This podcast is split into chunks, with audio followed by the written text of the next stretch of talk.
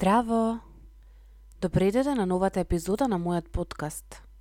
Во денешната епизода ќе зборувам за тоа како да си простиш себе си.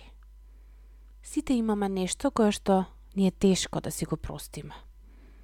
Последниот период читав една книга која што многу ме подсети на две многу важни прашања. Што е на кое што се случува токму сега во овој сегашен момент, а второто прашање е што е оно што јас го сакам во овој момент. И некако како се подсетив на овие прашања, а, станав свесна колку е важна свесноста, односно се подсетив колку е важна свесноста и секако колку јас го ставам акцентот на тоа, но некако во секојдневието, во секојдневниот живот се заборава.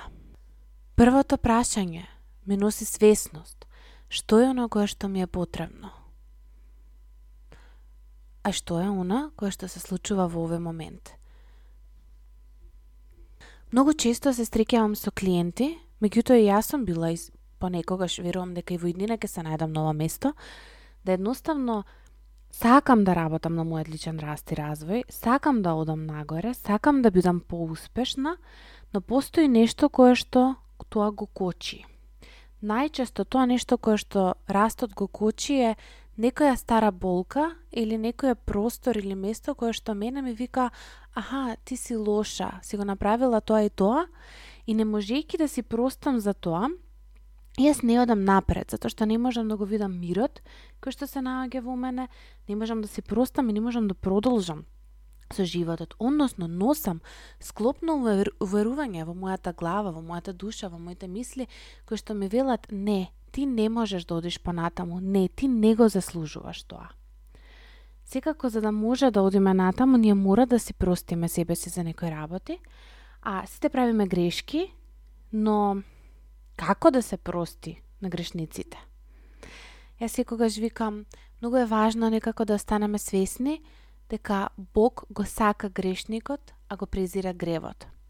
И сега колку можеме лесно да се поврзаме со ова или не, Не знам, кај секого е различно, но уште еднаш ке споделам, Бог го сака грешникот, а не го сака гревот.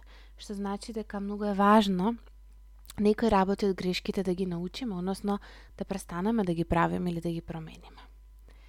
Но зошто е толку полесно да им се прости на другите луѓе отколку на себе си? Дали ви се случило да простите на некој друг кој што навистина многу ви сгрешил или некако полесно да може да му најдете оправдување? Многу лесно ние наоѓаме оправдување за луѓето, особено за подалечните луѓе, можеме многу едноставно да речеме, па добро, сигурно се соочувала со тоа и тоа и се случило тоа и тоа и така натаму. Најверојатно таа позиција реагираше така и така.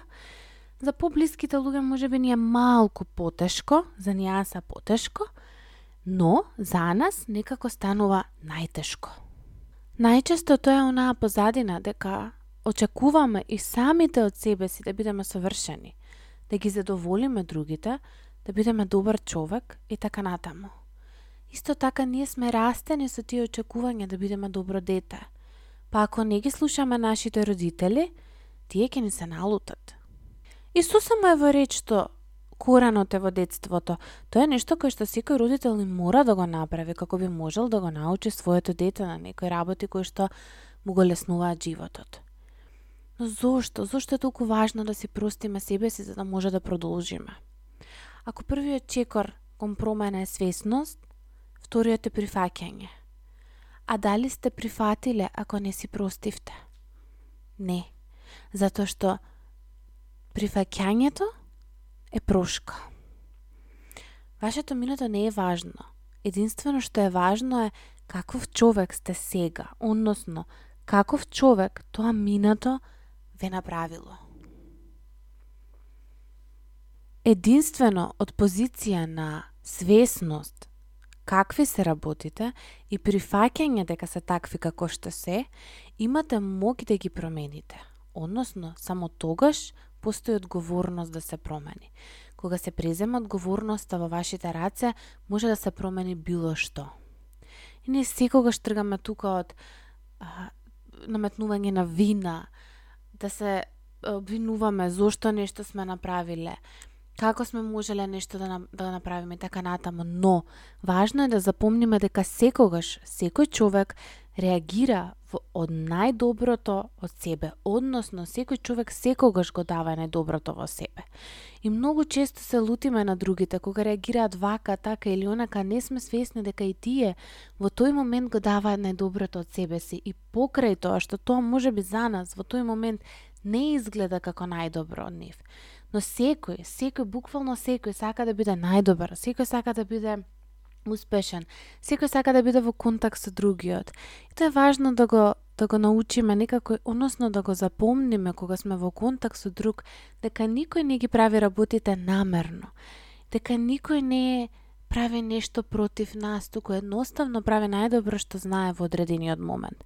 Па така, ако сте знаеле подобро во тој момент, верувам дека различно ќе сте реагирале. Меѓутоа, дали ќе знаевте како да реагирате ако истото не се случеше? Првото нешто кое што е убаво да се запомни и да се знае дека вие сте одговорни. Односно дека вие ги држите конците во раце и само вие знаете што е нешто го чувствувате и какви се вашите мисли.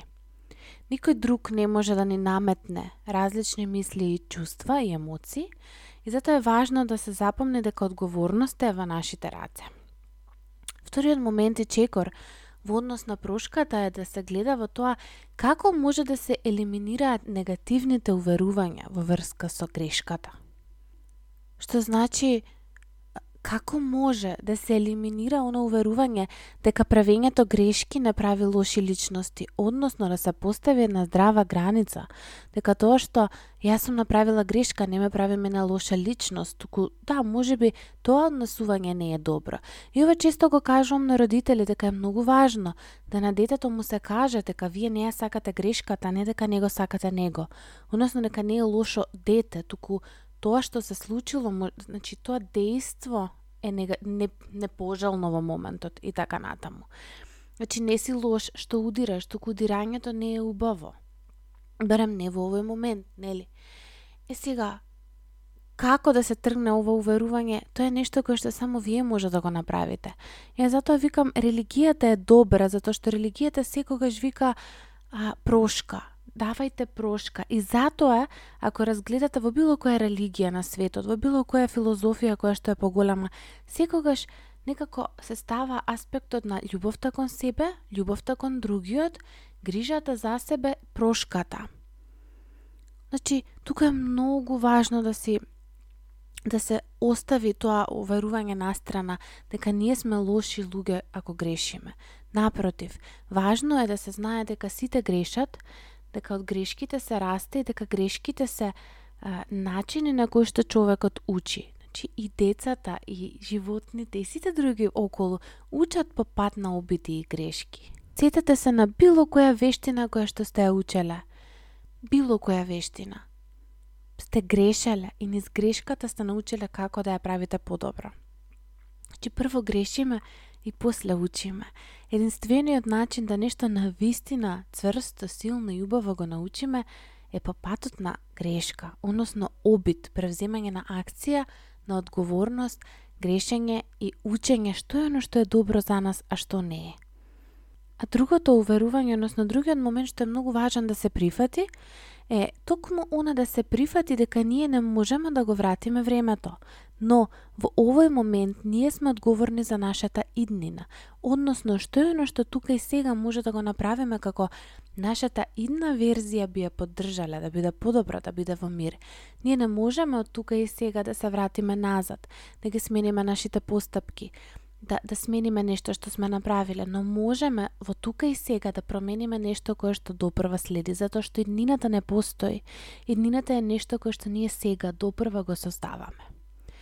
Другиот многу важен, многу важен чин е пред се да се уважат грешките гласно. Значи не може да се промени нешто доколку не е уважано. Ова може да се направи во дневник, може да се направи пред огледало, може да се направи со блиска личност, може да се направи со психотерапевт. Меѓутоа, многу е важно да се уважи грешката, да се каже гласно како би можело да дојде воопшто до процесот на прошка. Значи, многу е полесно кога ќе кажеме, аха, јас го направив ова и ова. како се случи, како го направив тоа, зошто се случи, зошто реагирав така како што реагирав. И тука е многу интересно и важно да се знае дека ако ние тргнеме со една, една, од една позиција на разбирање, тек тогаш можеме да си простиме. Дали да им простиме на другите или да си простиме себе си, секогаш е важно да дојде до разбирање. И самиот процес на психотерапија наводи токму кон ова да може да го разбереме другиот. Најтешко е да се прости на другиот и на себе си, доколку не постои разбирање. Например, ако треба да простиме на родител за X однесување, ние мора да видиме зошто, која е позадината на родителот што се однесувал така и така. Зошто родителот се однесувал како што се однесувал? Која е неговата болка? Кои се неговите уверувања? Од која позиција тргнал да го прави тоа? Тоа не значи дека ние ќе го оправдаме. Тоа значи дека ние ќе го разбереме и само од позиција на комплетно разбирање и прифаќање ние можеме да му простиме и да го пуштиме. Затоа што во тој момент го прифаќаме она дека родителот го направил тоа што го знаел, тоа што е за него научено и го направил од позиција на љубов и покрај тоа што таа љубов за нас не била потребна. И сега ова е пример со родител затоа што верувам дека најголемиот број на родители, чувстван во некои екстремни случаи, дефинитивно поаѓаат од една позиција на љубов. Меѓутоа, тоа е начинот на кој што тие биле сакани, тоа е начинот на кој што тие знаат да сакаат, што не значи дека ние не можеме подобро. Истото и за себе си. Кога се случува грешката, важно е да се напише таа грешка, да се признае таа грешка, да се уважи таа грешка, да се каже некому таа грешка. Ако ништо друго, пак ќе споделам пред огледало. Јас секогаш викам најубаво е затоа пишувањето на дневник за да може да се уважат овие работи. Кога таа грешка ќе се каже, ќе се уважи, ќе се удостои, ќе се даде едно место, тек тогаш може да си ги поставуваме прашањата зошто, како, Што се случуваше со мене во тој момент? Што ли јас размислував тогаш? Кои мои верувања ме потикнаа тука? И што е оно кое што јас го научив од оваа грешка? Односно, што оваа грешка ме научи за мене, ме научи за другите и така натаму. И тука буквално може да се смени филозофијата, односно оној момент дека ништо не е апсолутно вистина и да се гледа на тоа дали воопшто постојат грешки, дали воопшто постои нешто кое што е грешно или правилно. Јас длабоко верувам дека не постојат грешни одлуки, дека не постојат грешни работи, туку сите тие работи кои што ги правиме и во моментот ни се чинат погрешно, се оние работи кои што нас не насочуваат кон оно што повеќе и повеќе го сакаме, односно кон оно што повеќе и повеќе ни е потребно. Што значи ако тука и сега во одреден момент направам нешто, а после тоа јас сватам дека тоа не е за мене, дека тоа било во наводници ќе го ставам грешка, Всушност, оно што го учам е дека да, окей, како можам јас во иднина да се поддржам? Што се оние работи кои што мене ми недостасуваат? Што мене ми недостасува за да можам следниот пат да бидам подобра? За да можам следниот пат да не се чувствувам дека а, а ова не е тоа што ми треба, дека ми треба нешто подобро и повеќе. И секако, зошто целиот подкаст, целиот мој блог е почнат всушност со темите љубов кон себе си и грижа кон себе си. Затоа што ние не можеме да се простиме себе си доколку немаме здрава љубов кон себе. Зарам постои некој кој што е поважен од тебе во светов? Не. Не може. Многу е важно да, да знаеме, односно да се сакаме на здрав начин, да имаме уверување дека ние сме вредни, достојни, доволни, дека заслужуваме љубов, дека заслужуваме среќа и така натаму како би можело воопшто да дојде до моментот на прошка. Другиот момент, имајте на ум дека она што е правилно и она што е погрешно се менуваат. Ако ви минатото луѓето верувале, биле многу божци, верувале во повеќе богови, замислете сега, односно последниве 2000 години и повеќе, да, да му кажете на некој дека постојат повеќе богови. Не, сега се верува во еден Бог. И одете во некоја друга религија, односно во друга некоја држава и ќе видите како ве гледаат чудно, па, па што има. Јас баш а, во однос на границите како истражував сватив дека во одредени култури толку екстремно нема веќе граници што дури понекогаш размислувам дали е тоа патолошки или не, во некои култури одредени однесувања се правилни, додека пак во друга култура тоа однесување истото е потполно погрешно, односно страшно се осудува. Замислете порано магиските ритуали биле а, добри, па постоја биле лоши, па жените кои што ги правеле биле спалувани, биле вештерки и така натаму, односно жените обшто знаеле да бидат вештерки и сега ако гледаме на тоа што е што е точно, што е погрешно, колку луѓе биле запалени, колку луѓе биле убиени затоа што ја зборувале вистината. Ако размислуваме длабоко, односно колку вклучиме филозофот во нас, малку ако влеземе филозофски да гледаме на ова, точно ќе видиме дека не, не постојат правилни и погрешни работи. Постојат работи кои што за нас во одреден момент се правилни и во одреден момент не се. Едноставно во овој момент не сум подготвена да го видам тоа. Еве ако тргам од себе, Јас може би и многу години пред нешто да направам сум знаела што е правилно, а што не е. Ама не сум го направила, затоа што во тој момент ако сум го направила немало да биде правилно и покрај тоа што сега е. Значи, понекогаш потребна е одредена зрелост, време и потребно е некои надворешни фактори да се спојат за да може ние да успееме да промениме и да ги направиме работите така како што сакаме, како за нас би биле вистински. Учењето од грешките, повторно ќе кажам, е најважно. Без фрустрација не постои растење. Дури и самата психотерапија е фрустрација со многу љубов. Зошто? Сетете се на едно дете, односно на едно бебенце кое што се учи полека да проодува. Паѓа, се мачи, се фрустрира, се нервира, не може, па подстани малку, па падни пак, па подстани уште еднаш, па побарај помош, па фати се за масата. Значи, цело тоа да кажам, негодување и фрустрирање на детето му помогнува да проводи. И всушност детето учи низ грешки, како да оди. И ако не греши, доаѓа до момент да наеднаш се пушти проди, падне и се исплаши и се повлече назад. Значи, потребно е да се случи таа грешка за да научи прво да паѓа на задникот, за да знае утре кога ќе падне како да паѓа и така натаму. Значи, потребно е а, да се градат темелите, и полека полека да се оди нагоре, односно точно оној момент да се фрустрираме, да правиме работи кои што не се за нас, како ние би можеле да научиме што е тоа што е за нас. И секако, секогаш велам, доколку ова не е нешто кое што ви од помош, доколку овие нешта не се нешто кое што допира до вас.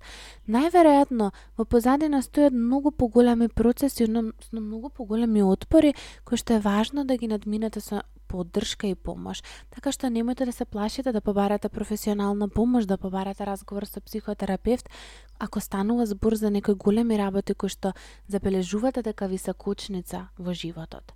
Се надавам дека вака кратка оваа епизода ви дојде убаво и дека ќе може да успеете да гледате на грешките низ една друга призма, односно да гледате на грешките како нешто кое што вас ве оформува во тука и сега денес во уште подобра и подобра личност. Поздрав!